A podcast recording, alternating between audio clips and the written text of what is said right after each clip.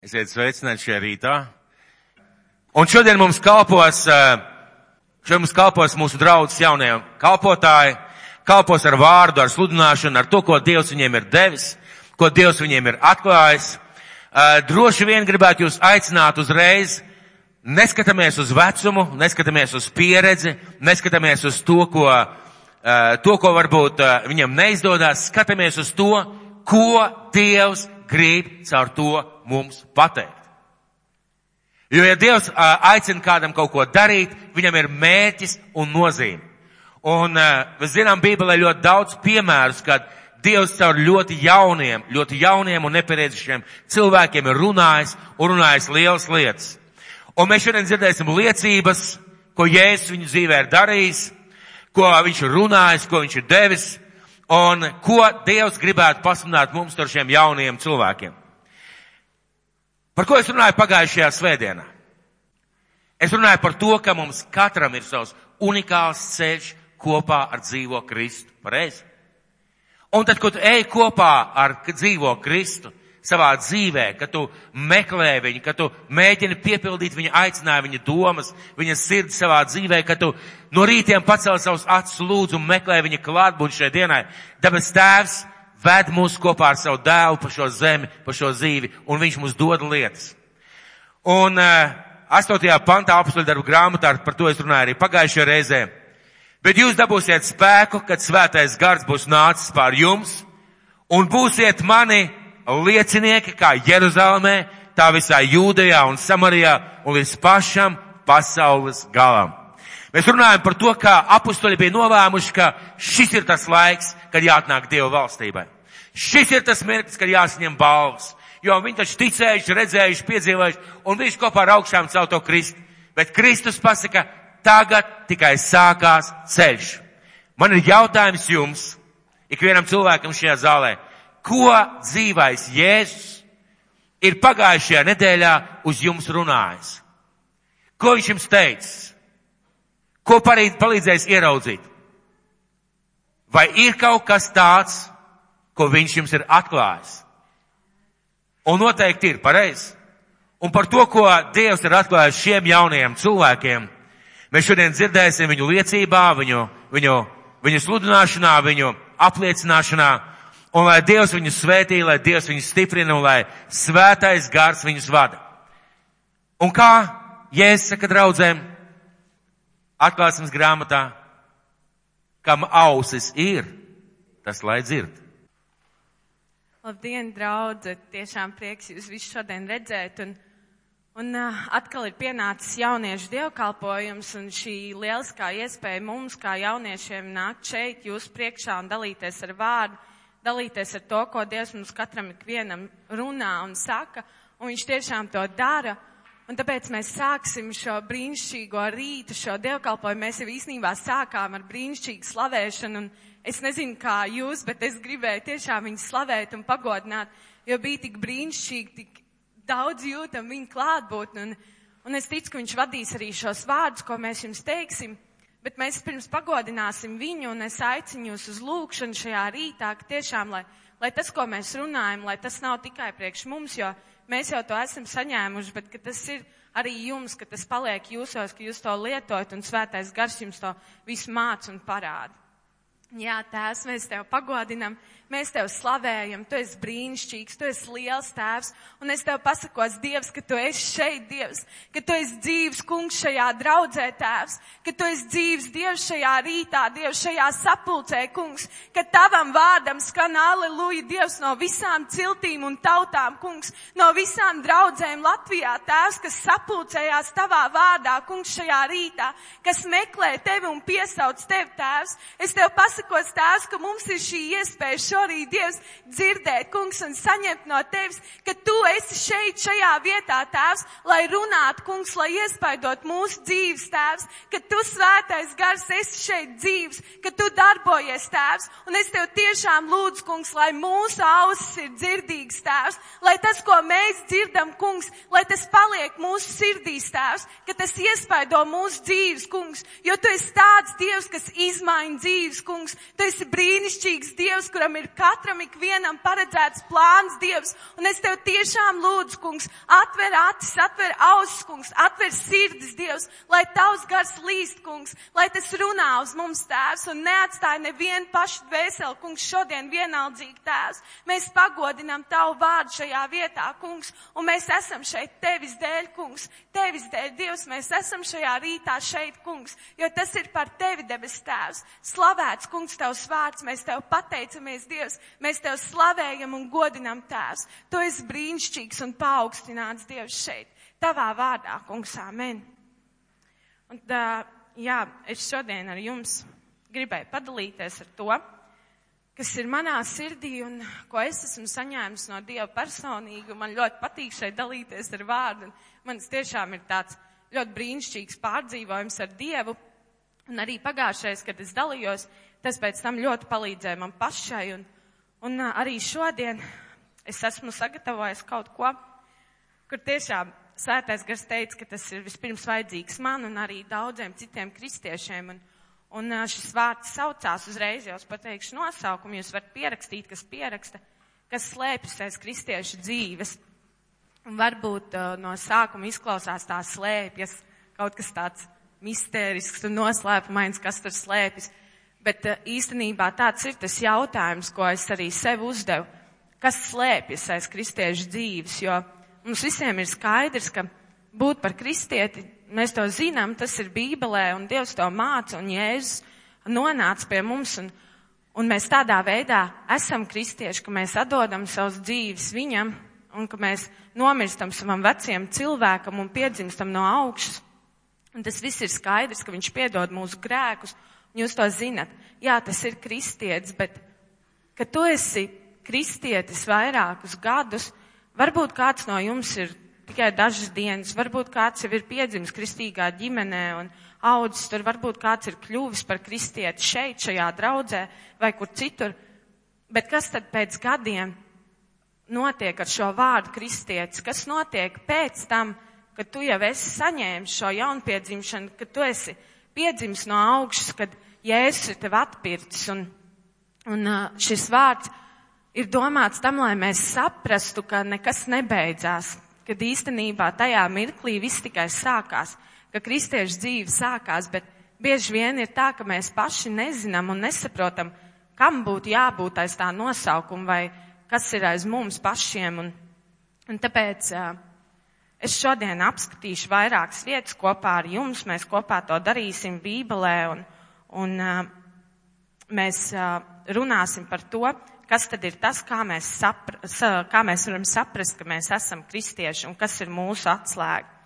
Un um, es sākšu ar tādu nelielu līdzību, kad um, mēs uh, dzīvojam šo dzīvi kad uh, mēs domājam, ka mēs esam kristieši, kur ir jaunpiedzimuši, kur ir uh, Dieva bērni, un mēs dzīvojam šo dzīvi tā, kā visi to dara. Mēs ejam uz darbu, mēs darām savas lietas, un arī mācītājs pagājušais runāja, ka mūsu dzīve iedalās septiņās sfērās, un tā arī ir. Bet, kad mēs ejam pa šo dzīvi, mēs domājam, ka ir tāda kristieša dzīve un ir parastā dzīve, un, bet patiesībā tā nav, kad Tad, kad mēs esam kristieši, kad mēs kļūstam par šiem kristiešiem, mums ir tikai viena dzīve. Nav vairāk tādas divas dzīves, dzīve mājās, dzīve, dzīve kaut kur citur, dzīve draudzē, tur man redz tādu, tur man atkal redz citādu. Tā nenotiek, ir viena dzīve, ir tikai viens ceļš ar viņu. Un, kad tas nosaukums, kas slēpjas, es to domāju tā, kas ir atslēgas vārds. Un es pastāstīšu tādu piemēru, ko es dzirdēju pirms kāda laika uh, bija kādi kristieši un blakus viņiem neticīgi cilvēki, bet ļoti labi cilvēki, tādi, kuriem viss tiešām nu, tā kārtībā, bet viņi nepazīst Dievu. Ģimene un, un viņi šiem kristiešiem satiekoties domā pēc tam un stāst man, kas tais cilvēkos tāds ir? Nu, kas ir tas, kāpēc viņiem dzīves ir tādas citādākas, kāpēc viņiem ir kaut kas tas, kas mums nav, mums it kā viss ir labi, bet tur kaut kas tāds ir, kas tā kā īsti, nu, liekas tāds pārdabisks, ka viņi piedod, ka viņi uh, darbā tiek ar visu galā, ka viņiem, ka viņiem viss ir kārtībā ar finansēm, ka viņiem ir sakārtotas ģimenes. Un uh, bet viņi tik un viņiem ir ienaidnieki, bet viņi visus mīl. Un, un tad es runāju ar šiem cilvēkiem, un, un es teicu, ka tas ir Dievs, ka tas ir Dievs, kas izmaina mūsu dzīves, un daudziem neticīgiem to ir grūti saprast, kā Dievs var izmainīt to dzīvi, kā viņi var mainīties. Un, un tā ir, kad mūsu dzīvē tas atslēgas vārds, kas nemaz Dievs tāds nav jēzus, ka viņš ar tādu lielu sprādzienu visiem nāk virsū, bet tas arī ir tas atslēgas vārds, ko redz citi. Dievs, kas slēpjas aiz mūsu dzīves. Un, un es par šo visu domājot, ļoti, ļoti Dievam lūdzu un gribēju no viņa saņemt to apstiprinājumu, ka manā dzīvē tā ir. Ka skatoties uz manu dzīvi darbā, skatoties visur riņķī, kad redzot man, kā es eju, kā es daru, ka neviens pat nezina, kas es esmu, var pateikt, ka tur ir kaut kas cits apakšā, ka, ka tā ir tā atslēga, kāpēc ir tāda dzīve šim cilvēkam labā nozīmē. Un kāpēc es apstājos pie šī jautājuma, tik daudz par to domāju, tāpēc, ka es sapratu, ka tā nav. Ka nav mūsu kristiešu dzīvēs tā, ka par mums tā var pateikt, ka atslēgas vārds ir Dievs. Un pats skumjākais ir tas, ka tas bieži vien notiek draudzē. Bet es šodien ar šo vārdu negribu jūs ne demotivēt, nekā. Jūs visi esat brīnišķīgi kristieši, bet ir ļoti būtiski citreiz tā apstāties un padomāt, ka kas tad slēpjas aiz manas dzīves, jo kāpēc es par to sāku domāt, jo es zinu, kad laiks ir tuvu, kad drīz nāks Jēzus un kad viņš īstenībā būs tas, kurš redzēs no viņa neko nenoslēps. Viņam šis jautājums, kas slēpjas aiz kristiešu dzīves, ir pilnīgi atklāts. Viņš to zina par katru no mums. Un, uh, un man tas ļoti, ļoti uzrunāja, tāpēc es sameklēju, es jau jums sākumā teicu, Uh, ka mēs zinām kristiešu definīciju, kad uh, es sameklēju vairākās vietās, tur letonika ir tāda vārnīca un angliski, un arī tāda vārnīca tezaurs skaidrojošā, un visur tā kā ir Jēzus, nu kā um, jaunpiedzimis, un angliski arī tas pats, kad uh, no, tu nožēlo grēks, tu tā kā iegūsti mūžīgo dzīvību, un tu esi kristietis. Bet tad es atradu vēl vienu definīciju, kas uh, es viņu speciāli izvēlējos, jo Lielākā daļa no jums jau esat kristieši, un uh, es gribu jums viņu parādīt arī uz ekrāna. Un uh, šī definīcija kristietis, kas man tiešām ļoti palika atmiņā, mēs pat pavilksim bišķiņu lielāku. Tātad ticīgais, jeb kristietis ir tas, kuru dieva darbi tā motivē, ka viņš grib likt dievu pirms viņa paša vēlmēm un ar prieku kalpo dievam un cilvēkiem. Un man likās tā, wow, šī ir tieši definīcija, ko man vajadzēja, ko man vajadzēja saprast, ko man vajadzēja izlasīt, jo es zinu, ka es esmu jaunpiedzimusi, bet ko man darīt tālāk ar to kristiešu dzīvi? Kas ir tas, kas man definē? Un šī definīcija arī tur paliks, lai jūs varat apskatīties un skatoties uz to, uh, es domāju, kā es varu zināt, ka es tāda esmu. Kā es varu zināt, kas, kas vispār slēpjas un kā man tagad uh, izzināt to, kā man tikt galā ar to visu. Un uh, es izšķetināju, ja tā var teikt, tādas uh, piecas, četras, piecas vietas um, Bībelē un arī uh, sev tādus uzdevu, tādus lielus jautājumus vai tādas tēzes. Un pirmā, kas vispār raksturo tādu kristiešu dzīvi, jūs varat pierakstīt, tas nav par mani vai tevi. Pirmā lieta, ka tas nav par mani vai tevi. Un uh, es jums pastāstīšu liecību no savas dzīves. Tas bija pirmais, pats svarīgākais, ko es saprotu, ko es sapratu, ka būt kristietim tas nav ne par mani, ne par tevi. Tas vispār ir pavisam kaut kas cits. Un tas ir par Jēzu, tas ir par viņu pašu, tas ir par Dievu. Un uh, pirms mēs lasīsim no Bībeles, jums pastāstīšu liecību, kad Kā es to sapratu?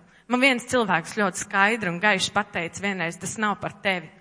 Un man bija tā, es pilnīgi tā kā apsēdos, domāju, kā nav par mani. Un tur iet runa par ļoti vienkāršām lietām dzīvē. Man arī bija tāda situācija pirms uh, gada. Es nomainīju savu darba vietu. Jūs esat mani ģimeni, mani draudz, tāpēc es to visu varu stāstīt jums, un jūs jau daudz zinat arī šeit atnācu uz Rīgas draudzi un es strādāju Rīgā skolā par skolotāju.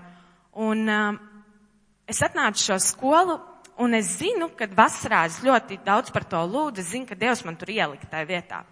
Un no sākuma, protams, ka tu cilvēkus nepazīsti labi arī vadību, un tā tev liekas, ka viss ir ļoti, ļoti labi, viss ir skaisti un brīnišķīgi, un, un uh, viss tev tikai priekšā un tā.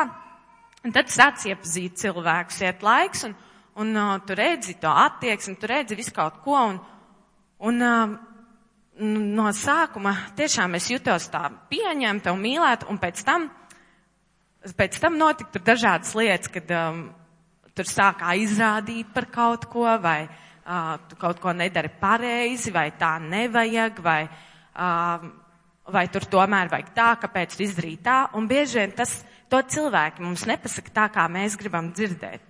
Un tad, kad, uh, manuprāt, tā kristiešiem, es nezinu, vai es tā varu teikt, bet tas ir tāds mazo nabadzīņu sindroms. Es to tā nosaucu, tāpēc, ka mums liekas, ka Ak, mēs mazie nabadzīņi. Nu, man tikko aizrādīja, viss pie pirmā aizrādījuma es skrienu prom, te ir slikti, man nekas te nepatīk, un, un man nevajag to vispār, un, un uh, kā vispār tā var, un, tas tiešām man likās mazo nabadzīņu sindroms, un es to sapratu tikai pirms divām nedēļām, ka es vēl joprojām tā daru, ka es sev uzskatu par mazo nabadzīņu, un, un uh, es domāju, kāpēc? Kāpēc bieži kristieši tā dara?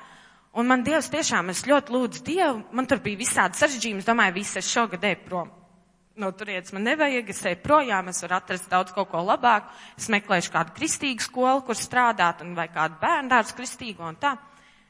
Un pēc tam es saprotu, ka man aprīļa vidū ir jādod atbildi, jo man nākošais gads jāsāk mācīt pirmā klase, un tur ir, es viņus sagatavoju, tagad bērndārs bērnus priekš pirmās klases, un man ir jādod atbildi, vai es būšu viņu skolotāja vai nē. Un uh, viņi jau man dod visādus norādījumus, vadību, kas man būs jāsaka, jādara māja beigās, un tagad tev ir jāiet un jāpasaka. Un es domāju, Dievs, ko lai es daru? Ko lai es daru, man palikt te vai man nepalikt? Un beigās es sāku vienkārši, es lūdzu Dievs, man dažādos veidos rādību, tas nepamanīju, un es tiešām tā nožēloju, ka es to nepamanīju arī un tā, un beigās vienkārši es sāku praktiski, es paņēmu papīru lapu, un uzrakstīju visus plusus un mīnus, kas man ir tā vietā. Un es sarakstīju, un es domāju, ārprāt, ka man ir tik daudz pozitīvu lietu īstenībā, un ka tā otra lapa uz tās vajadzēja lieliem burtiem uzrakstīt mazā nabadzīņa sindroms, tāpēc, ka tur īstenībā tas man likās, viss ir par mani. Ja man kaut ko pasaka, aizrāda, viss tas ir par mani, es nemāku, es nedaru. Beigās sēž vienā sapulcē un es dzirdu, ar visiem tā ir. Ar visiem tā saka, tu piedod, tu šoreiz neesi izdarījis pareizi to un to, tu šoreiz neizdarīji tā, izdari labāk otrais, un tā sapulcē man neko nepasaka. Un es domāju, ārprāts. Es tiešām domāju, ārprāts. Es pēc tam aizgāju pie jaunajām skolotājām vēl, kas tur strādā. Viņas teica, ai, beidz, Marija, es vispār sēdēju direktors kabinetā un mēnesi uh, tur ik pareizē raudāju un direktori man vārīja tēju. Un es domāju, ārprāts, es tiešām, nu, kad, un tad man vienkārši tā īstenībā palika skumji, es Dievu priekšā izlūdzos un es sapratu to, ka tas bija tieši lieldienu laiks, kad mēs runājām par lieldienām un es sapratu, ka tas nav par mani. Tas vispār nav par mani. Dievs man tik ļoti žēloja īstenībā ieliekot tajā vietā. Un paldies Dievam, ka es varu teikt, ka es tur palikšu un viss ir kārtībā, kad man ir uh, jāpabeidz augstskola, man ļoti daudz plusu šī skola īstenībā dod, kur es strādāju. Un viss, kad es to sapratu, kad ienāca manī tā apziņa, ka tas nav par mani tajā darbā, ka man vienkārši ir jādara savs darbs, tad es sapratu, ka man tik daudz vieglāk palika daudzās lietās. Es vispār uz daudz lietām sāku skatīties pavisam vieglāk. Un, un, jā, un es pie šī apstājoties, ka mums tā ir. Mēs tieši, pēc tam tieši sazvanījāmies ar manu māsu Anniju Un mēs runājam, viņi saka, ārprāts, man arī tiešām tas pats. Visu laiku liekas, ka viss, ja man kaut kas, tad kristietis prom, no viņa vairs pat putekļus neredz, kaut kas nav izdevies, tā aizskrien jau. Protams, ka dzīvē ir visādas situācijas arī ar darbiem, un nekad, nu, nekad nebūs vienam tā kā otram, un, un nav arī mums tā, ka mums ir jāsēž un viss ciešanas uz sevi jāuzņem. Bet tas, kad paskatoties uz tādām vienkāršām lietām, ka mums citreiz ir tā, ka mēs tā kā piebraukt pie benzīna tanka un katru reizi uzpildītos no jauna. Dievs, es tomēr to negribu. Un pati vēl tāda lieta, ko es, uh, ko svētais gars man uzrādīja, tas nav mans aicinājums. Tas nav tas, uz ko man Dievs aicina. Viņš man aicina pavisam uz kaut ko citu. Man šo nevajag visu un tā. Un īstenībā tas ir uh, traki. Un es, kad par to visu domāju, lūdzu, man likās, ka cik daudz ar mani tā notiek, kad uh, tiešām, ka es tik daudz lietās Dievu gribu pataisīt par tādu uzpildes staciju. Tad sapratu, ka tā pirmā lieta, ka tas nav par mani vai tevi, ļoti iet kopā ar to definīciju, kad Tas, kur Dieva darbi tā motivē, ka viņš grib likt Dievu pirms viņa paša vēlmēm un ar prieku kalpo Dievam un cilvēkiem. Jo mums ir jāsaprot viena svarīgākā lieta, ka izvēloties, tā bija mūsu izvēle, vai mēs būsim kristieši vai nē, un Bībele saka, ka, bū, ka Dievs saka, ka tu būsi mans sekotājs, mans māceklis, un ka mums nebūs tādas dzīves kā citiem arī. Bet bieži vien mums īstenībā ir tik milzīga žēlstība. Es vakar lasīju vienu liecību internetā pat ne liecību. Tas bija vienkārši raksts par vienu sievieti, kur slima ar vēzi, un viņa ir pasaulīgs cilvēks, un viņai ir trīs bērni un ģimene, un viņa bija tik priecīgas lietas uzrakstījusi, kā viņa cīnās ar savu slimību un visu. Un man likās ārprāts, tad, kad mums kaut kāda mazākā lieta notiek, tad mums ieslēdz tas mazais nabadzīņš, un mēs pilnīgi nezinām, ko vairs darīt. Mēs nesaprotam, kas ir mūsu lielais varenais Dievs, kam mēs vispār esam aicināti. Kad Dievs teica, ka jums būs ciešanas pasaulē, un, Un mēs apskatīsimies vienu vietu Bībelē, īsu vietu, tā būs vēstule Efeziešiem, ko Pāvils raksta. Mēs šodien skatīsimies, ko Pāvils raksta dažādām draudzēm. Un šī rakstu vieta ir otrā nodaļa, astotais pants. Es viņu nolasīšu. Tātad vēstule Efeziešiem, otrā nodaļa, astotais pants. Jo no žēlastības jūs esat pestīti ticībā un tas nav no jums, tā ir Dieva dāvana.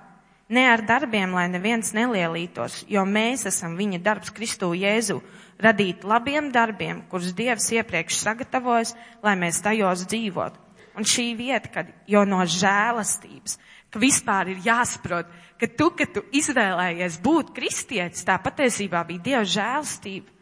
Ka viņš izvēlējās tevi, ka tā ir Dieva žēlastība, ka esat pestīti ticībā un tas nav no jums, tā ir Dieva dāvana. Kad mums vispār šajā brīdī, kad tu esi jau vairākus uh, gadus kristietis vai kā, mums jau būtu jāzina, ka tas nav vispār par tevi. Ka tev visu laiku īstenībā dzīvojot to vienu kristiešu dzīvi ir jāsaprot, ka viņi nebūs tādi, kā tu iztēlojies. Jā, mums ir tik daudz labu lietu ar Jēzu priekšā, un mums ir tik daudz labu lietu kopā ar viņu piedzīvojums, bet tas bieži vien nav, kā mēs gribam. Un uh, Tā bija pirmā lieta, tas nav par mani vai tevi. Un otrā lieta, es domāju, labi, nākošais jautājums. Un arī jums, jūs aicinu par šo jautājumu padomāt, ka, ja te ir rakstīts, nu, ka viņš mani gribēja, ka viņš man izvēlēs, ka viņš grib mani atpestīt, ka viņš tieši mani grib, lai es esmu. Labi, tad, ja Dievs izvēlējās, tad kāpēc? Un pirmā lieta, tātad otrais punkts, Kāpēc Dievs mūs izvēlējās? Tad, ja tas nav par mani, ja es tagad jums apgāžu visas jūsu teorijas un pasaku, ka tas nav par mani vai tevi, tad kāpēc Dievs vispār mani izvēlējās? Tad ko man darīt? Un uh, pirmkārt, lai mēs kalpotu. Un tas bija tas, tas vārds kalpot vispār, ko viņš sevī ietver. Tā ir tik milzīga, ko Dievs īstenībā pateica, lai tu kalpotu. Bet, kad tas ietver tik daudz sevī iekšā, tas kalpot. Tas ir nodoties otram, palīdzēt, mīlēt, piedot, dzīvot, viss kopā. Un lai mēs nestu labus augļus, lai mēs nestu labus augļus, kad Dievs izvēlēs, kad viņ, viņš ar prieku skatās, ja, ja mēs nesam šos labos augļus, ja cilvēki tiek pievest pie Kristus, kad, kad mainās dzīves, kad mēs esam tā gaisma un, Un nākošā rakstu vieta būs Jāņa evaņģēlijas 15. nodaļa. 15. nodaļa, 16. līdz 21. pāns. Jāņa evaņģēlijas 15. nodaļa, 16. līdz 21. Ne jūs mani esat izredzējuši, bet es jūs esmu izredzējis un jūs nolicis, ka jūs ejat un nesat augļus un jūsu augļi paliek. Jo visu, ko jūs tēvam lūgst manā vārdā, viņš jums dos, tā ir man pavēle, lai jūs mīlētu cits citu. Kad pasauli jūs ienīst, ziniet, viņa mani pa priekš ir ienīdus. Ja jūs būtu no pasaules, pasauli mīlēt tos, kas viņai piedara, bet tā kā jūs neesat no pasaules, bet es jūs esmu izredzējis no pasaules, tad pasauli jūs ienīst. Atcerieties manus vārdus, ko es jums sacīju. Kalps nav lielāks par savu kungu, jo viņi mani vajājuši, viņi var, vajās arī jūs. Ja viņi manus vārdus ir turējuši, viņi turēs arī jūsējos bet to visu viņi jums darīs mana vārda dēļ, tāpēc, ka viņi nepazīst to, kas man sūtīs. Un šī rakstvieta īstenībā man tiešām tā ļoti patīk un vienmēr patikusi, kad, kad atcerieties manus vārdus, ka kalps nav lielāks par savu kungu, ka Dievs īstenībā mūs aicināja kalpot un te iet runa par ne tikai par Dievu pašu, ka te iet runa par visiem, kas par mūsu vadību, par mūsu priekšniekiem, par mūsu pat vīriem, sievām, piemēram, kad kalps nav lielāks par savu kungu, un, un tas tiešām ir, tas ir jāsaprot, ka tev būs jākalpo, ka nav tā, ka tagad viss notiks pats no sevis, ka tu nevarēsi aiziet pie Dieva, un es tiešām lietoju pasauli kā piemēru. Mēs paskatāmies, ir tik ļoti daudz talantīgi cilvēki. Es arī darbā paskatos, kāpēc viņam tā sanāk, Viņam vispār, viņam ir trīs bērni tam cilvēkam, skolotājai. Viņa iet tur skolā, dara, viss notiek, un viņa priecājās par to. Es tur atkal eju tādus darbus citreiz, ka man kaut kas tulīt nesanāks, un ārprāts man vēl vienā dienā vispār man ir divas stundas un trīs brīvstundas. Es varu sēdēt ar kājām gaisā citreiz un neko nedarīt.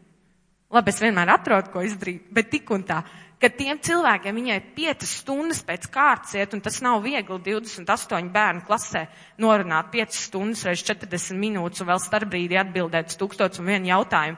Bet vienkārši, ka tu saproti un tu redzi, kā viņa var. Kā viņa var, kur ir tas spēks?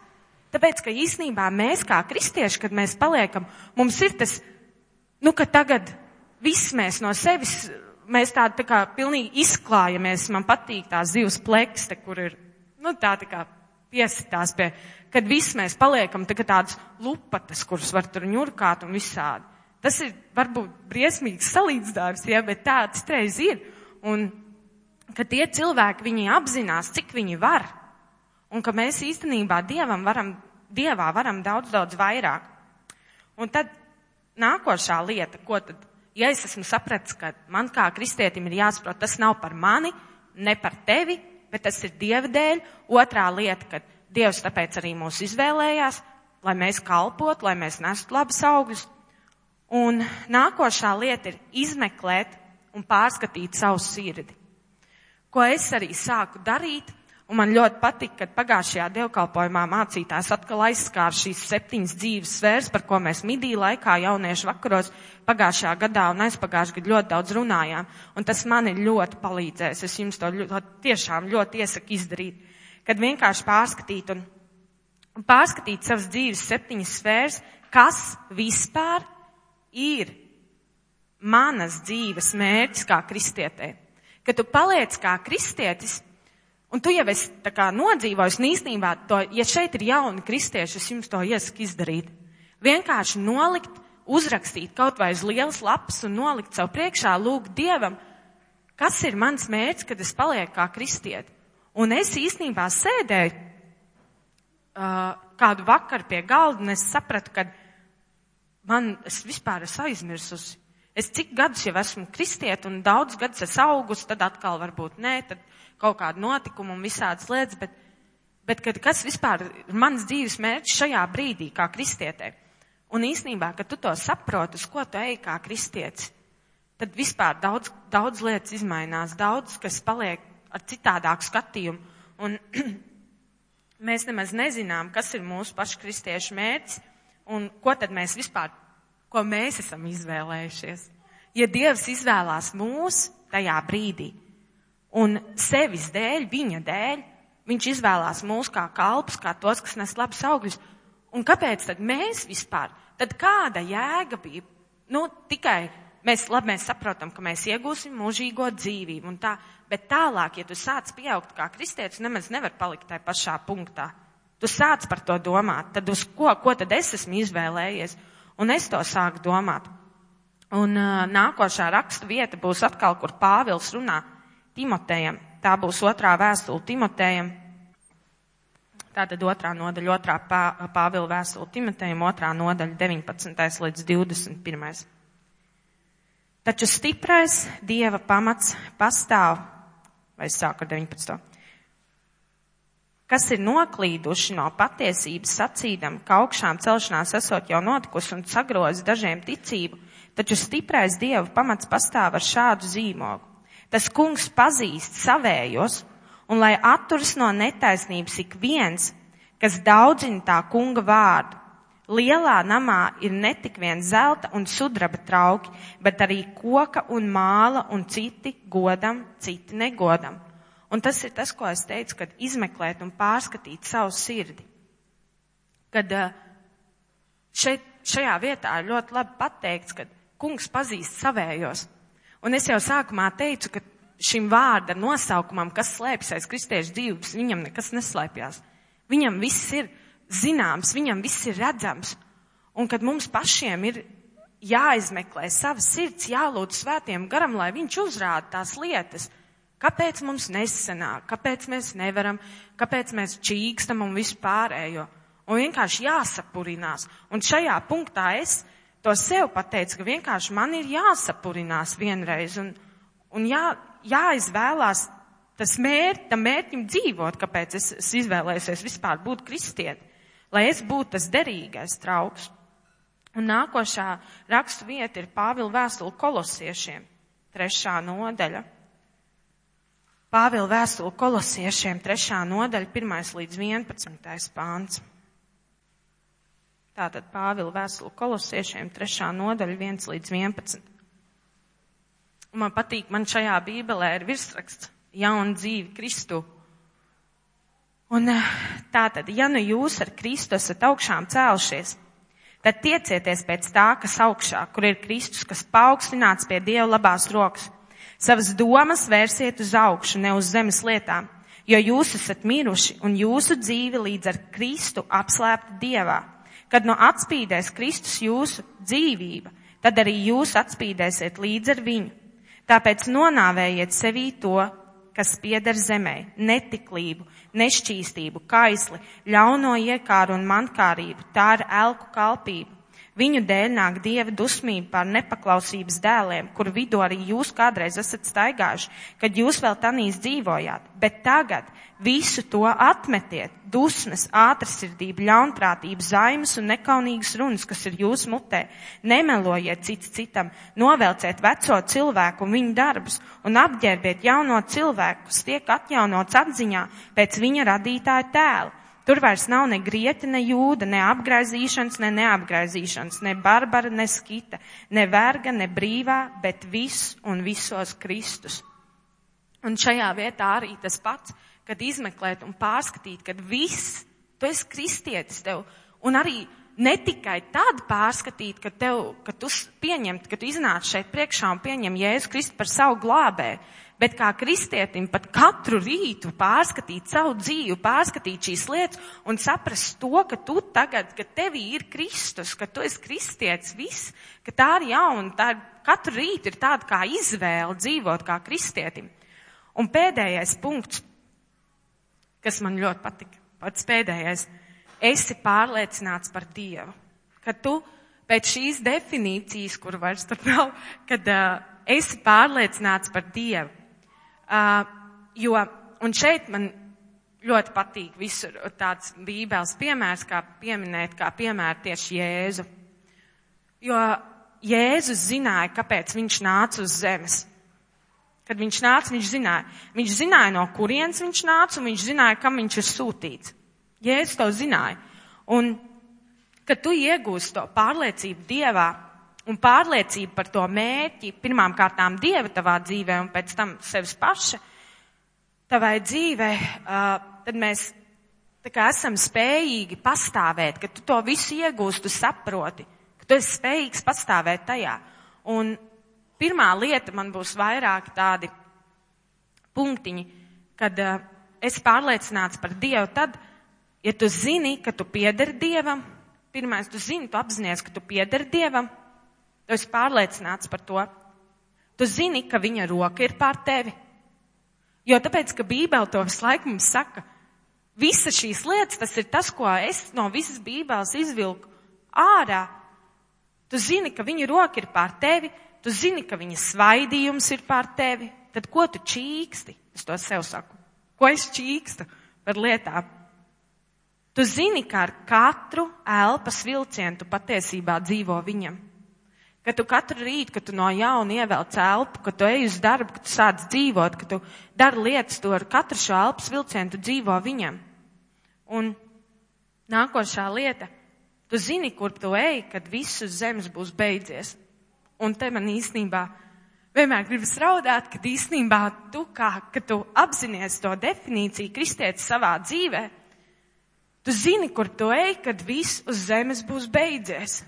Kad īstenībā tad, kad Dievs tev, es jau teicu, ka viņam nekas nav apslēpts, viņam tas jautājums ir zināms, tā atbilde ir zināma, ka tu beigās varēsi pateikt, ka jā, mans atslēgas vārds bija Dievs, ka tas slēpjas aiz manas dzīves, ka visas šīs labās lietas, ka tas svaidījums, ka roka viņa pār mani, ka viss viņa labās īpašības un viss tas ir pār, pār manu dzīvi, kad beigās tas viss ir. Un Protams, ka mēs visi esam cilvēki un mūsu miesas ir vājas un mums kā kristiešiem to ļoti patīk teikt, ka man mies, miesa ir vāja. Un, bet mums ir tā brīnišķīgā iespējas pat teiktu tāds bonus vēl ir parastie cilvēki. Labi, parastie nē, bet cilvēki, pasaul, nu, cilvēki pasaulīgi, viņi, ne, viņi to bieži vien nezin, ka viņiem ir tas bonus, kas mums nākt katru reizi ka tev kaut kas nesanāk, ka tu sagrēko, ka tu pārmeklē savu sirdi, nožēlo to un atstāt pie Jēzus kājām. Viņi nezina to bonus lielo, ko mēs zinām. Tos apslēptos ciparus, ko tur parasti nokas cilvēku pasaulē un kaut ko laimē. Viņi nezina to, bet mums tas ir. Un es tiešām ar to es arī beigšu.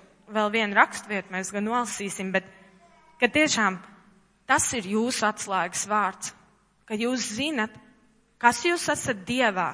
Kas slēpjas aiz jūsu dzīves? Un mājās par to padomājiet. Tas ir īstenībā ļoti spēcīgs jautājums, ko uzdot sev. Kas slēpjas aiz tavas dzīves? Un vēl es gribu teikt, neskaties uz citiem. Neskaties draudzē uz tiem, kas aiz viņa dzīves slēpjas, kas aiz viņas slēpjas, bet uz savējo dzīvi, kas aiz tavas dzīves slēpjas, kāpēc tu nevari vairs kalpot tik daudz, kā tu varēji, kāpēc tu nevari savā darbā pastāvēt tā, kā citi cilvēki var. Kāpēc tev varbūt tur, nezinu, kaut kas ar vecākiem vai ģimenēm vai vēl kaut ko ar radiniekiem? Kāpēc tu nevari? Un mēs atvērsim Sāmanu pamācības 27. nodaļu. Sāmanu pamācības 27. nodaļa, 18. līdz 19. pāns. Kas vīģis koku kopja, tas ēd tā augļus, un kas savam kungam uzmanīgi kalpo, top godāts Cik ūdens atspoguļo cilvēka īsto seju, tik viena sirds atspoguļo otru. Un šeit, tas varbūt es tur tā, tur cits konteksts, bet man šis pants, cik viena sirds atspoguļo otru, es to domāju par Dievu sirdi. Tiešām par Jēzus sirdi, par Dievu sirdi, lai mana sirds atspoguļo viņa sirdi. Kad mans koks ir auglīgs, kad es viņam kalpoju, kad es savu kristietes dzīvi, zinu, kāds ir mans mērķis vispār būt kristietei un tā arī dzīvot. Pastāvēt ar viņu vārdu ciešanās, zināt, kas ir mana atslēga. Un galvenais ir tas, kad, ja ir tā atslēga, tu vari pateikt citiem, ja tev uzdod to jautājumu, nu kas ir tā tava veiksmes atslēga? Var pateikt, tāpat nav veiksme, tas ir kaut kas daudz, daudz vairāk, tas ir Dievs. Un aicināt uz to citus.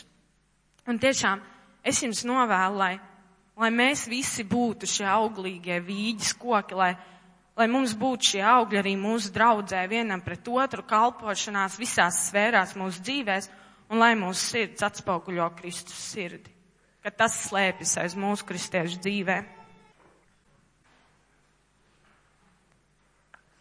Labrīt, draugi! Es priecājos jūs visus šeit redzēt, un šodien runāšu par kādām lietām, kas bija arī manā dzīvē, tā bija nepiedošana un aizvainojums. Un, pēc pieredzes kad tu piedod uh, visu izlīdzini, visas attiecības, tad uh, tava kristiešu dzīve tā pilnībā izmainās. Un es atceros to, kad es lasīju vārdu Dievu un es tur neko nesapratu, Dievs nāklāja tās lietas. Un, uh, tad, kad tu piedod, tas viss tādā jaunā gaismā nāk. Un, uh, bieži vien mēs uh, dzīvojam šo dzīvi, mums viss ir kārtībā, mēs uh, kalpojam, mēs lūdzam, mēs lasam vārdu, mēs daram lietas Dievam par godu, bet mūsu sirdīs ir nepiedošana. Un, uh, Dievs uh, deva man līdzību pirms kāda laika.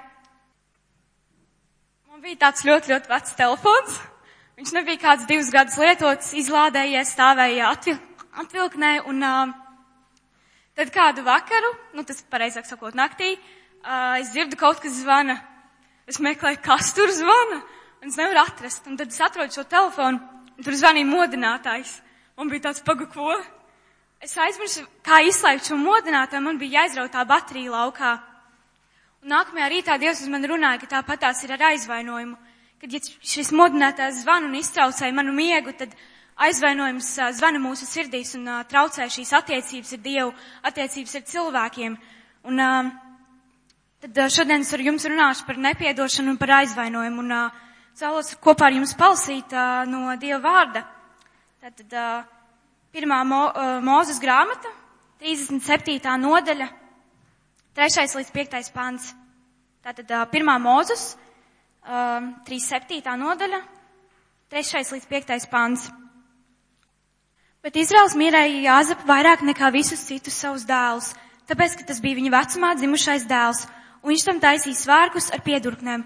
Viņa brāļi ievēroja, ka viņu tēvs to mīlēja vairāk nekā viņa brāļus, un tie to ienīda un nevarēja laipni ar to runāt.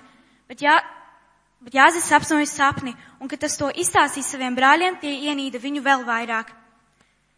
Tālāk 26. līdz 27. pants. Tad jūdas sacīja saviem brāļiem, ko tas mums dod, ka mēs savu brāli nokājam un viņa asinis izlajam. Iesim pārdosim to izmēliešiem. Tad mēs savas rokas nebūsim pielikuši, jo viņš taču ir mūsu brālis un mūsu miesa, un ja brāļi tam paklausīja. Un tālāk no 39. nodaļas, 2. līdz 4. pāns. Bet tas kungs bija ar Jāzupu visam, ko vien tas darīja, lika tam labi izdoties. Viņš piemājoja savu kunga eģiptieša namā. Kad viņa īpašnieces redzēja, ka tas kungs bija ar viņu un ka visam, ko vien tas darīja, tas kungs lika viņa rokās labi izdoties. Tad Jāzeps atrada labvēlību viņa acīs, viņam kalpodams, un viņš to iecēla par savu nama pārvaldnieku un lika visu, kam tas bija viņa rokās. Tad, par ko šeit ir stāstīts? Tēvs mīlēja Jāzepu vairāk nekā pārējos brāļus, un šiem brāļiem bija skaudība par to sirdī, un viņi nolēma Jāzepu pārdot tirgū. Un uh, savukārt Jāzepam par to sirdī bija aizvainojums un nepiedošana, ka brāļi tā varēja izrīkoties. Bet tajā pašā laikā uh, Dievs liek visam uh, izdoties, viņš visu uh, uh, svētī, ko Jāzips dara, viņš uh, tiek par pārvaldnieku savā namā. Un um, tāpat arī mūsu dzīvēs mēs uh, ejam un daram un kalpojam, mums it kā viss izdodās, bet tur sirdī ir tā nepiedošana varbūt daudziem no mums. Un uh, modinātājiem ir tāda interesanta īpašība, ka tu atliec viņu, tad viņš žanīs vēl un vēl. Un tāpat tās ir ar to nepiedošanu. Ja mēs to neiznesam Dievu priekšā, mēs uh, nelīdzinām šīs attiecības, tad tas aizvainojums zvanīs vēl un vēl. Un kā jau es jau teicu, es biju aizmirsus, kā to modinātāju izslēgt tiešām telefonam, un es paņēmu un izrautu to bateriju aizmugurē. Un tāpat tās ir mums, kad uh, tas aizvainojums viņš ir pilnībā jāizslēdz, un kā tu to var izdarīt. Tur ir, uh, tas ir jāizdara tādā veidā, kā palūdzot par to un uh, izlīdzinot visas tās attiecības ar šo cilvēku. Un tad uh, lasīsim tālāk uh, no 42. nodaļas. 6. līdz 8. pants. Bet, jā, bet Jāzus bija zemes pārvaldnieks un labības pārdevējs visiem zemes iedzīvotājiem. Kad Jāzepa brāļi nāca un klanījās līdz zemē viņa priekšā, tad Jāzeps ieraudzījis savus brāļus, to pazina. Tomēr viņš izlikās viņu nepazīstam un teica viņiem skarbi, no kurienes jūs nākuši? Viņi atbildēja, no Kānanas zemēm, lai pirktu labību. Un Jāzeps pazina savus brāļus, bet tie viņu nepazina. Un tālāk 43. nodaļa. 29. līdz 31. pāns. Viņš pacēla savus acis un ieraudzīja savu brāli Beņamīnu, savas mātes dēlu, un viņš sacīja, vai tas ir jūsu jaunākais brālis, par kuru jūs man stāstījāt? Un viņš sacīja, lai Dievs tev parāda žēlastību, mans dēls. Un Jāzeps steidzās, jo viņš bija pārāk aizkustināts, redzēdams savu brāli, un viņš meklēja, kur izraudāties. Un iegājis savā istabā, viņš tur raudāja. Un nomazgājis savu vaigu, viņš iznāca ārā un savaldīdamies teica, celiet priekšā ēdienu. Tālāk no 45. nodaļas, 2. līdz 5. pāns. Viņš pacēla savu balsi un sāka raudāt, tā ka to dzirdēja eģiptieši un to dzirdēja Fārona nams. Bet Jāzeps sacīja saviem brāļiem, es esmu Jāzeps, vai mans tēvs vēl ir dzīvs? Bet viņa brāļi nespēja atbildēt, jo tik iztrūkušies tie bija viņa priekšā stāvot. Un Jāzeps sacīja saviem brāļiem, nāciet tuvāk klāt, un tie pienāca. Un viņš sacīja, es esmu Jāzeps, jūsu brālis, kuru jūs pārdevāt uz Ēģipti. Bet tagad neesiet apbēdināti un nebīstieties, ka jūs mani esat šurp pārdevu, pārdevuši, jo Dievs mani šurp sūtīs, lai jums saglabātu dzīvību. Tālāk no 9. līdz 11. pantam. Steidzieties, atgriezieties pie mana tēva un sakiet viņam, to tev liek teikt tavs dēls Jāzeps. Dievs mani ir nolicis par kungu visai Ēģiptes zemē. Nāc pie manis un nevilcinies. Tu dzīvosi Gošanas zemē un būsi man tuvu, gan tu, gan tavi bērni, gan tavi bērnu bērni, gan tavi slīk, sīklopi, gan tavi lielopi, gan viss, kas tev pieder. Un es tevi apgādāšu tur ar uzturu, ka tu nekļūsi nabaks, nec tu, nec tavs nams, nec kas tev ir, jo vēl būs pieci bada gadi. Un tālāk no 14. līdz 15. pantam. Un viņš krita Benjamīnam savam brālim ap kaklu un raudāja. Un Benjamīns raudāja pie viņa krūts. Un viņš kopstīja visus savus brāļus un to darīdams raudāja. Pēc tam viņa brāļi runāja ar to. Un, kas tad tālāk sako? Uh, ir šie septiņi bada gadi, un uh, Dievs Jāzepam bija devis uh, šo dāvanu tu- tulkot sapņus. Un um, iztulkojot šo sapni, viņš kļuva par Ēģiptes valdnieku. Un vēlāk šajos bada gados Jāzepa brāļi nāk pie viņa prasīt šo te labību pirkt no Jāzepa. Bet Jāzeps atpazīst brāļus, bet brāļi neatpazīst. Un šajās attiecībās starp viņiem jau izpaužās tas Jāzepa aizvainojums, kad viņš skarbi atbildēja un gribēja tur cietumā ielikt šos brāļus. Un, uh, tad uh, Jāzeps nogāja un raudāja un iznāca uh, atmaidis. Un, uh, Tālāk Jāzeps dodās brāļiem uh, pazīstams, lai tiktos ar brāļiem, un uh, ieraugot Benjamīnu, tur bija teikts, ka uh, uh, viņš svētīja to brāli, uh, un uh, tad Jāzeps vēlreiz iet, iet un raud, un uh, viņš uh, iznākot uh, no šīs uh, vietas, viņš uh, izlīgst ar brāļiem, viņš uh, salbina šīs attiecības, un uh, visa piedošana, viss aizmirstās, un ko tad mēs varam mācīties no šī stāsta, no šī notikuma? Uh, patie, pirmai, pirmais tātad, uh, patiesa piedošana mūsos ieliek Dieva mīlestība un žēlastība. Un ā, tā piedošana, īsta piedošana notiek tikai tad, ā, ja ļaujam Dievam strādāt pie mums ā, no mūsu sirdīm. Otrais, ā, īstai piedošanai seko attieksmes māņa pret otru. Mēs cīnāmies par visām domām pret atriebību, mēs nevēlam otram ļaunu, bet viņu svētam. Mēs parādam iniciatīvu labām attiecībām, lūdzam Dievu par labām attiecībām, un piedošana ir reāla, kad naids tiek aizstāts ar mīlestību. Un trešā lieta, ko mēs no šī stāsta varam saprast, patiesa piedošana ietver arī aizmiršanu. Mēs šo te, pār, uh, šo te strīdu, kas bija šīs te aizvainojošās lietas, mēs to nelietojam par argumentu. Citos strīdos mēs uh, neatgādinam par to un uh, neizmantojam šo pārkāpumu, lai sodītu pārkāpēju. Un, un arī neredam to par ā, šķērs mūsu attiecībās, bet kāpēc tad Dievs vispār runā par piedošanu? Kāpēc ir tik daudzas vietas Bībelē, ka mums jāpiedod ir pārdarītājiem, un kāpēc Dievs to tik ļoti svarīgi uztver? Um, tad atkal pa punktiem dalot, pirmais ir uh, piedošana atspoguļo Dieva sirdi un raksturu. Un vai tu atceries, ka tu vēl nebija kristietis, cik daudz reizes tu Dievu ignorēji, ignorēji viņa balsi, cik daudz reizes tu darīji nepareizas lietas, pat ja Dievs tev teica nedarīt to. Un, uh, bet Dievs mums pāri visam, viņš piedāvāja savu piedošanu, un uh, Dievs solīja, ka neatgādinās par to, kas ir izdarīts, un ka viss ir piedots, viss ir izlīdzināts, un, uh, un ka mums ir jādara tāpatās. Un, uh, romiešiem uh, 5. nodaļa un 10. pantā ir teikts tā. Jo mēs, kas bijām naidā ar Dievu, tikām salīdzināti ar viņu viņa dēla nāvē. cik daudz vairāk salīdzināti būdami tiksim izglābti viņa dzīvībā. Un, uh, un piedodot, mēs parādam to, ka mēs neesam aizmirsuši, ka Dievs mums ir piedevis par to, kur mēs esam bijuši, par to, ko mēs esam nepareizi izdarījuši.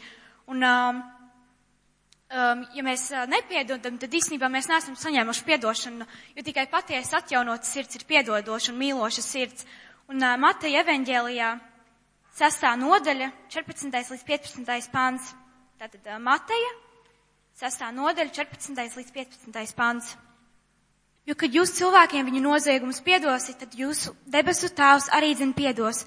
Bet ja jūs cilvēkiem viņu noziegumus nepiedodat, tad jūsu debesu tēvs jums jūsu noziegums arī dzen nepiedos. Un um, ir cilvēki, kas saka, ja mēs piedodam, vai tad mēs tai otrai pusē neļaujam tā kā tikt cauri sveikā ar to nepareizo, ko viņi izdarīja. Man tak bija tik sāpīgi un uh, es tagad vienkārši piedošu, uh, bet Dievs māc mums nepienāt savu godu un uh, šim te aizvainojumam, šīm sāpēm iet cauri ar, uh, ar mīlestību un bez atriebības. Un, uh, Īstenībā dusmas apzīmē tādu vājumu, bet stiprs gars ir piedodošs. Un, um, un piedodot, mēs arī dodam tiesības uh, Dievam strādāt ar mūsu sirdīm. Mēs ieliekam Dieva rokās tādus svarus, uz kuriem Dievs balstina uh, mīlestību un žēlastību, lai mūsu sirds tiktu atjaunot un dziedināta. Un um, kas tad ir tas risinājums, kā mēs varam uh, šīs attiecības salabot un uh, kaut kā paspērt soli pretī tai otrai pusē? Viens no labākajiem veidiem, kā parādīt otram, kas ir izdarīts nepareizi, ir uh, presutot viņa rīcību ar mīlestību. Bet uh, Dievs ir tikai tas, kurš uh, ieliek mūsos šo mīlestību, ka mēs varam piedot visādus pārpratumus, visādas uh, aizvainojumus, un uh, mums ir tikai tas jāļauj Dievam darīt. Un otrā lieta, um, piedošana mūs abrīvo. Un uh, ir cilvēki, kas arī domā, ka uh, nepiedodot otrai pusē mēs viņiem tā kā liekam maksāt šo, šo, šo sodu, bet īstenībā mēs esam paši tie, kas maksā sodu. Un, ja mēs saspiežam uh, plaukstu dūrē un sur, turam kādu minūti, varbūt vairāk stipri, tad uh, jau pēc minūtes tas radīs diskomfortu. Un, uh, tāpat tās ir arī mums ar, garī, ir ar mums arī garīgi. Um, tur tiek saspiestas visas mūsu attiecības ar Dievu. Mēs uh, pamanam, ka pēc laika mēs nedzirdam vārdu, mēs neizprotam šīs lietas, ko Dievs mums grib teikt, mūsu lūkšanas vairs nav tik dzīves, kā tās bija. Un, uh, un aizvainojums ir tās brūces, kas ir vēstas pret mums, un tas liek mums pašiem maksāt šo uh, sodu un ciest vairāk nekā otram. Un uh, pagātne īstenībā ir pagātne. Uh, tas nevar mūs sāpināt, uh, ja, ja vien mēs pie tās neturamies. Un, um, tas ir īstenībā tāpatās kā ar telefonu sarunām. Uh, jo tālāk tu atrodies uh, no šī otra cilvēka, jo sliktāk tu viņu dzirdi. Uh, pieņemsim, tur citā valstī zūtie sakari vai uh, sliktāka tā zona ir, un tu sliktāk šo cilvēku otrā klausulē dzirdi. Un tāpat tās ir ar Dievu un ar cilvēku. Šis aizvainojums aizvelk mūs projām no Dieva tik tālu, kad mēs jau viņu slikti dzirdam, mūsu kalpošana vairs nav tik auglīga, Un īstenībā viss, ko tad mēs darām, visas šīs lūkšanas ziedojumi, tas kļūst tikai par tādu tradīciju, jo mums nav tas kontakts ar Dievu, mums nav tās dzīvās attiecības, un mēs uh, aiz šī aizvainojuma nesaprotam, kam mēs visu to darām. Un, um, un trešā lieta uh, - piedošana atver durvis otra izmainīšanai. Uh, Dieva žēlstībai bija izmainoša ietekme mūsu dzīvē, Uh, un tāpat tās arī mūsu piedošanai. Mēs varam otram cilvēkam atvērt šīs durvis uz viņa izmainīšanu. Un uh, ir jāpatur arī prātā, ka uh, Dievam katra pazudusi, pazudusi persona ir svarīga. Un uh, Pāvils uh, cieta šīs vajāšanas, lai dalītos ar Kristus vēsti. Kristus mira pie krusta, lai mēs tiktu izglābti.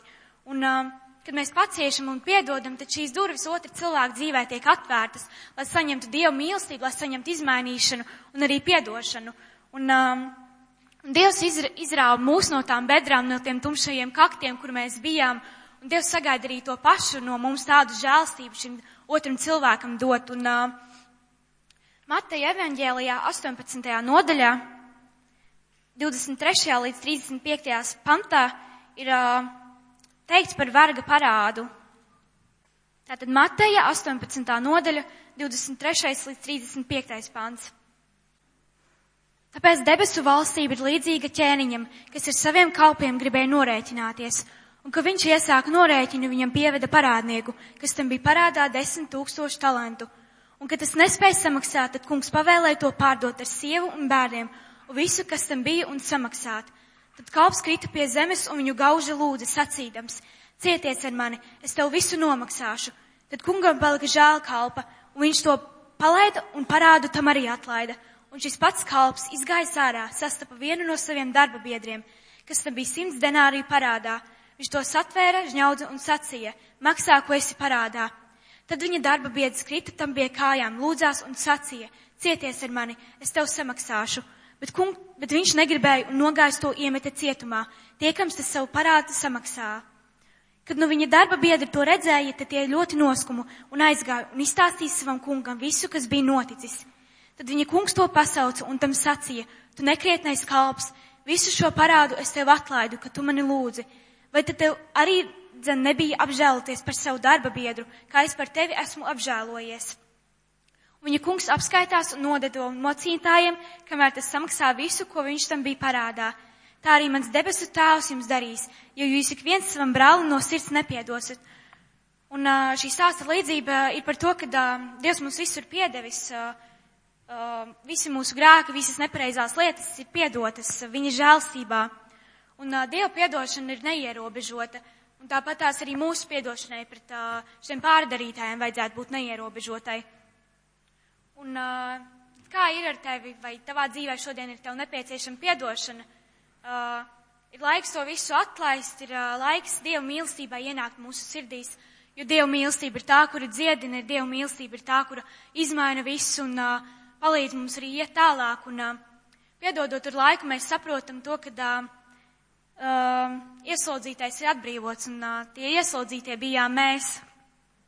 Tas arī bija tas, ko es gribēju jums dalīties. Sveiki! Šeit priekšā būtu milzīga atbildība. Un um, lūdzu neņemiet to, ko es saku tā vārds vārdā, kā pilnīgu patiesību paši par sevi, bet uh, salīdziniet ar to, ko jūs varat izlasīt Bībelē ar šiem te vārdiem, ko mēs redzēsim uz tāfeles un to, kā jums pašiem runās svētais gars. Un uh, es šodien vēlējos dalīties ar tādām pārdomām, kas man jau ir kādus divus mēnešus, uh, un runāšu nedaudz pieskaršos par tavu un par manu vērtību. Un uh, no sākuma vēlējos jūs visus iesaistīt nedaudz un uzdot jautājumu, uh, vai visi perfektie cilvēki var lūdzu nepacelt rokas. Bet jā, ko es gribu, ko ar to pateikt, kad es ļoti šaubos, ka kāds no mums vispār kādreiz ir jūties pilnīgi perfekts. Ot, ot, un, tā, un tā visu dzīvi, kad viss ir pilnīgi, esmu pilnīgi perfekts, viss vienmēr izdodas un tāds kristietis tā kā jābūt un, un, un, un ot, ka vienmēr viss ir nevainojami, kad es kā cilvēks esmu nevainojams, es kā kristietis esmu nevainojams. Un e, es zinu, ka man tā noteikti nav, un es ne tu nejūtos perfekts bieži vien, un ne tu kā kristietis perfekts. Un es runāju šoreiz, runāšu tīri par tādām ļoti praktiskām lietām par tiem brīžiem, kad mūsu spēki nav pietiekami, lai, kad mūsu spēki tiešām nav pietiekami un mēs varam, sākam apšaubīt to savu vērtību. Kā piemēram mēs jau dzirdējām, kad skolā vai darbā vai darbi kraujas, kraujas čupām un lai visu paspētu sāc neizdarīt kaut ko pilnīgi perfektu, nu, cik labi vien iespējams, kaut, kur, kaut, ko, kaut ko neizdarīt, kaut ko vienkārši nespēja fiziski izdarīt, jo pietrūkst zināšanas vai spēki. Un tajos brīžos var, ir iespējams un var sākt apšaubīt to savu vērtību, ka nu, es, nu jā, man jau arī, es jau nemaz to nevaru, es jau to nespēju, un es jau tā nevaru, man tas nesadū, ne, neizdodas, un ko tad vispār es varu, un tādā veidā var tā ļoti nokāpt lejā līdz tam, ka es neko nevaru, ne man nav vērtības. Uh, bet tā nav. Un uh, es, jā, šoreiz runāju, piemēram, vakar. Piemēram, vakar es biju sacensībās, Um, tas bija airēšanas sacensības pirms pāris gadiem, kad es tā kārtīgi trenējos, divu treniņu dienā, un uh, tad es tā konstanti trenējos un gāju pa, pa, pa fināliem, cīnījos par medaļām, un tad vakar pēc divu gadu pārtraukuma es domāju, arī piedalīšos sacensībās. Un kā jau agrāk viss bija ļoti forši un labi sanāca, un tad tur, tur cīnījies par tām medaļām. Un vakar bija reāli grūti. Un šādi es jutos pēc pirmā brauciena, Tās bija mans izjūtas, kad es biju līdz pustrasē, nu, tas, protams, es tā pajokojos, bet uh, apmēram tā es jutos. Ka agrāk varēju, es varēju ļoti forši nostartēt, vakar vairs vispār neiznāk. Un tas bija tas tikai loģiski, ja divus gadus neesi sportojis un pēkšņi grib nostartēt sacensībās. Bet Bet tas, ka, un tā es beigās nonācu olimpiskajā 35. Un, un, un, un, un, tāpēc es par šodienas vārdu gribēju, tas bija tāds ievads pastāstīt to, ka nu, mēs katrs kādreiz jūtamies, ka nesanāk, nevērtīgi vai kaut kas neizdodas. Un šodienas vārds, ko es gribēju pat dalīties, ir perfekti cilvēki. Un es šodien nerunāšu noteikti par tādiem grēkiem, kā tur laulības pārkāpšana vai sunīšu spārdīšana. Uh, par, bet par grēkiem ir skaidri pateikts. Un tas ir nākamā rakstvieta. Par tādiem grēkiem ir skaidri pateikts, ka uh, Pāvils 6.9. Ja vai jūs nezināt, ka netais neiemantos Dievu valstību, nepievilieties. Ne netikli, ne elku kalpi, ne laulības pārkāpēji, ne malak, ne vīriešu pieglētāji, ne zagļi, ne mantrauši, ne dzērāji, ne zaimotāji, ne lau, laupītāji neiemantos Dievu valstību. Tas ir runāts par grēkiem, un skaidrs, ka mēs, kad par grēkiem tas cits sprediķis, grēks novad uz ellē. Um, bet uh, Dievs mums ir devis iespēju kā no šiem, tad, šiem tad grēkiem tikt, tikt vaļā, Un uh, vienīgais veids, kā no viņiem tikt, uh, kā tikt no šiem grēkiem vaļā, no šiem tādiem reāliem, tiešām grēkiem, ko mēs tagad pieskārāmies, tas nākamais slaids, ka tas ir uh, tīri, just so you know, tikai lai jūs zinātu, ka uh, tas pirmais ir no, jūs nožēla par grēkiem, noticēt, ka Jēzus ir un viņš piedod grēkus, pieņemt Jēzus par savu kungu un glābēju, un tad lūgt Dievam piedošanu vairs tā nedarīt. Tas ir tas mirklis, kad Dievs tev piedod grēkus, ka es piedod grēkus. Tas runājot par grēkiem. Bet uh, to Jēzus tālāk ir apsolījis, ka nav neviena svēta cilvēka. Un uh, tad nākamais brīdis ir, kad Jēzus nāca par šiem grākiem, ko mēs tikko runājām, ko mēs tos piecus punktus skatījāmies, kā kurš var no viņiem atbrīvoties. Nākamais ir, jo tik diev, ļoti, ļoti, ļoti Dievs pasauli mīlēs, ka viņš devis savu vienpadzimušo dēlu, lai neviens, kas viņam tic, nepazust, bet dabūtu mūžīgo dzīvību. Jo Dievs savu dēlu nav sūtījis pasaulē, tas būtu pasauli tiesātu, bet lai pasaules ar viņu tiktu glābta. Ar to es gribu pateikt, ka grēki tā ir viena lieta. No grēkiem Jēzus mums piedod, Jēzus no viņiem mums var palīdzēt atbrīvoties, Jēzus mūs maina. Bet tad ir kāda cita vieta. Vēl viena galējība ir jušanās nevērtīga. Viens ir grēks, no otra jušanās šim te nevērtīgiem. Un par to pilnīgo nevērtību es arī nerunāju šodien, jo tu, tu, tu un tu un katrs no mums pats par sevi ir milzīga vērtība Jēzum. Tas tā, lai pirms mēs sākam šo sprediķu kā tādu, mēs zinātu, ka katrs no mums ir ar lielu vērtību. Katru no mums Dievs ļoti, ļoti mīl un vienmēr mēs esam viņam dārgi. Neatkarīgi no tā, ko tu esi vai būsi izdarījis vai kādreiz dari, tu esi vērtība mūsu mīlošam tēvam. Un tas, kas saka, ka tu neesi nekas, ka tev vispār nav vērtības, tas ir sātans. Jāņa 10, 10, kas saka, ka zaglis nāk vienīgi, lai zaktu, nokautu un nomaidātu. Es esmu nācis, lai tiem būtu dzīvība un pārpilnība. Ka Jēzus saka, ka katram no mums ir dzīvība, ir pārpilnība, kad mums katram no mums ir vērtība. Tālāk Jēzus saka, ka, bet Dievs saka, būdams uh, žēlastībā, savā lielajā mīlestībā, ar ko viņš mūs ir mīlējis, arī mūs, kas savos pārkāpumos bijām miruši, darījām dzīvu, darīs dzīvus līdz ar Kristu žēlastībā, jūs esat izglābti. Viņš iekš Kristus Jēzus un līdz ar viņu mūs ir uzmodinājis un paaugstinājis debesīs, lai nākamajos laikmetos Kristu Jēzu mums parādītu savu žēlstību un laipnības pāri plūstošo bagātību. Jo no žēlstības jūs esat pestīti ticībā, un tas nav no jums tā dievdām, ne ar darbiem, lai mēs nelielītos. Jo mēs esam viņa darbs. Kristu Jēzu radīti labiem darbiem, kurus Dievs iepriekš sagatavojas, lai mēs tajos dzīvotu. Un šī ir tā rakstīt, kas pasaka, ka mums katram ir vērtība, Jēzus par mums ir nomiris, viņš mums ir devis jaunu dzīvi, labiem darbiem, kurus viņš mums iepriekš ir sagatavojis. Un šobrīd es runāšu par tiem brīžiem, kad mēs pamatoti jūtam, kad es tiešām nevaru to izdarīt, man tas tiešām neizdodas darbā, ģimenē vai šajos labajos darbos mūsu kalpošanā es meklēju Bībelē kādas vietas, un kādam ir jābūt kristētim, un kādam ir jābūt tādam kristētim ne tikai negrēkojot, bet arī tādas raksturu iezīmes. Un viena vieta, ko es atradu par bīskapiem, ir rakstīts par bīskapiem, kad, eh, kur titam, jā, kur vēstulē titam ir rakstīts, jā, kad bīskapam ir jābūt nevainojamam, kā dievam namturim, ne iedomīgam, ne dusmīgam, ne dzērājam, ne kauslam, ne ierāvējam, bet viesmīlīgam, laba mīļotājam, prātīgam, taisnam, svētbīgam, savaldīgam. Tās tādas vienīgās rakstīra iezīmes, kuras es atradu. Un tad ir stāsts par talantiem. Vai atcerieties kāds stāsts par talantiem? Kad kad kungs iedeva savam kalpam uh, trīs talantus. Un šis tas stāsts par tiem talantiem, uh, kad kungs, kas Jēzus, kas mums katram ir devis talantus, un pēc tam no mums, mums viņus kaut kam ir devis, lai pēc tam no mums atprasītu. Un šajā rakstētā ir teikts, ka tu blēdīgais un kūtrais kalps, ja tu zināji, ka es pļauju, kur neesmu sējis, un salasu, kur neesmu kaisījis, tad tev vajadzēja dot man mantu naudas mainītājiem, es pārnācis būt saņēmis savu naudu augļiem. Šī rakstvieta ir tā, kas pasaka, ka mums Dievs ir devis katram kaut kādu vērtību, kaut kādus talantus, enerģiju, spējas, kuras mums Dievs ir paredzējis, ka mēs izmantosim, ka mēs viņus liksim lietā, nevis nevērtīgi, nevis, ka mums neizdosies, nevis, ka mums kaut kas nav, bet ka viņš mums ir devis. Un tad mēs nonākam līdz punktam, ka tā ir mūsu paša atbildība. Kad Dievs mums ir devis vērtību, Viņš mums ir piedevis grēkus, Viņš mums ir devis spējas un talantus, un Viņš no mums arī atprasīs, lai mēs viņus izmantojam.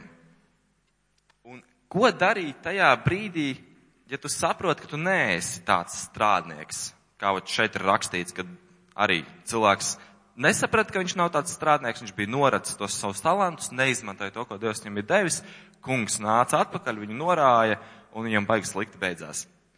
Un ko darīt, ja tu, ja tu vai es saprotu, ka mēs neesam tādi strādnieki, mēs neesam tādi kalpotāji, mēs neesam tādi vīri, sievas vai kristieši, lai justos pilnvērtīgi, lai, lai justos, lai mēs tiešām saprastu, ka mēs izdarām visu tā, kā Dievs būtu gribējis, tā kā Jēzus būtu gribējis.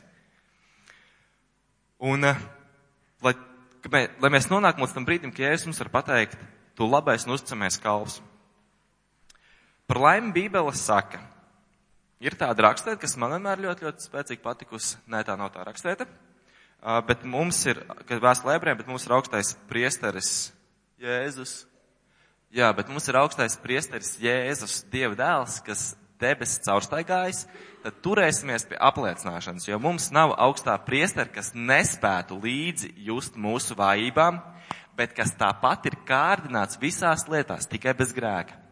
Tāpēc iesim ar uzticību pie žēlastības troņa, lai saņemtu žēlsirdību un atrastu žēlastību palīdzībai īstajā laikā. Un šī ir tā rakstvieta. Tajā brīdī, kad mēs saprotam un jūtamies, ka mums kaut kas nav, ka mums nepietiek spēka, nepietiek gribas spēka, nevaram kaut ko izdarīt, ne, nekalpojam. Iesim ar, tāpēc iesim ar uzticību pie žēlastības troņa, lai saņemtu žēlastību un atrast žēlastību palīdzībai īstajā laikā. Un tas vienmēr, mēs zinām, kad ir jālūdz Dievs, mēs visi to zinām, kad ir jālūdz Dievs, mēs visi zinām, kad ir jānāk, un tas ir jādara tā lielos vilcienos mēs to zinām. Bet tad jautājums, cik ļoti, ja tu zini, ka tev kaut kas nesanāk, cik ļoti, ja es zinu, ka man kaut kas nesanāk, vai pietrūks spēka, vai pietrūks gudrības, strādāju pie tā, lai, lai to situāciju atrisinātu. Ja man kaut kas nesanāk, ko es varu darīt? Un šeit ir divi praktiski soļi, kas man personīgi ļoti, ļoti patīk. Un tas ir uh, nākamais slaids. Pirmais ir mērtiecīgi, kā, kā tur bija rakstīts, ka Dievs arī, ja tas tam kalpam, kuram iedod talantus, teica, kāpēc negāja pie naudas mainītājiem, tur pelnot ar procentiem, kas tāds jau baņķieru darbs, tur kaut kas ir jāsaprot. Ka, un tas būtu bijis gudri to darīt. Un šīs tās vietas, kas man arī Dievs pasaka, ka mūsu personīgais laiks Dievu tas arī nav tā vienkārši atnācām, mēs papļāpājām, atnācām tā bišķiņa, jā, Dievs starp citu man to vajag un to vajag un vienu dienu aizmirstam vienu dienu, atceramies palūgt. Bet, kad ir personīgais laiks un arī lūkšana par mūsu vajadzīgām, lūkšana par to, ka viņam kaut kas nesanāk, ja mums kaut kas neizdodas, tam jābūt tādam strukturētam, tam jābūt profesionāli, teiksim, tā darītam. Un tad viens mans ieteikums būtu, mums draudzē ir tās septiņas dzīves sfēras. Viņš šeit diezgan maziņas, bet ir garīgā ģimene, eh, finanses, eh, kalpošana, vies, oi, sorry, eh, auga veselība un vēl divas. Un viņās mēs, kad mēs par viņām lūdzam, nu es tagad nevaru, jā, bet, kad šīs tās septiņas dzīves sfēras, kurās ir iekšā iekļauts ar viss, mūsu darbs, mūsu veselība, mūsu mācības, mūsu kalpošana, mūsu skola un personīgās attiecības ar Dievu. Un viņās visās mēs arī zinām lietas, kas mums nesanāk. Tad kā es to daru un kā es iesaku arī tāds praktisks padoms ir ieviest šādu pašu sarakstu, kur jūs arī sarakstat šīs lietas zem katrām sfērām.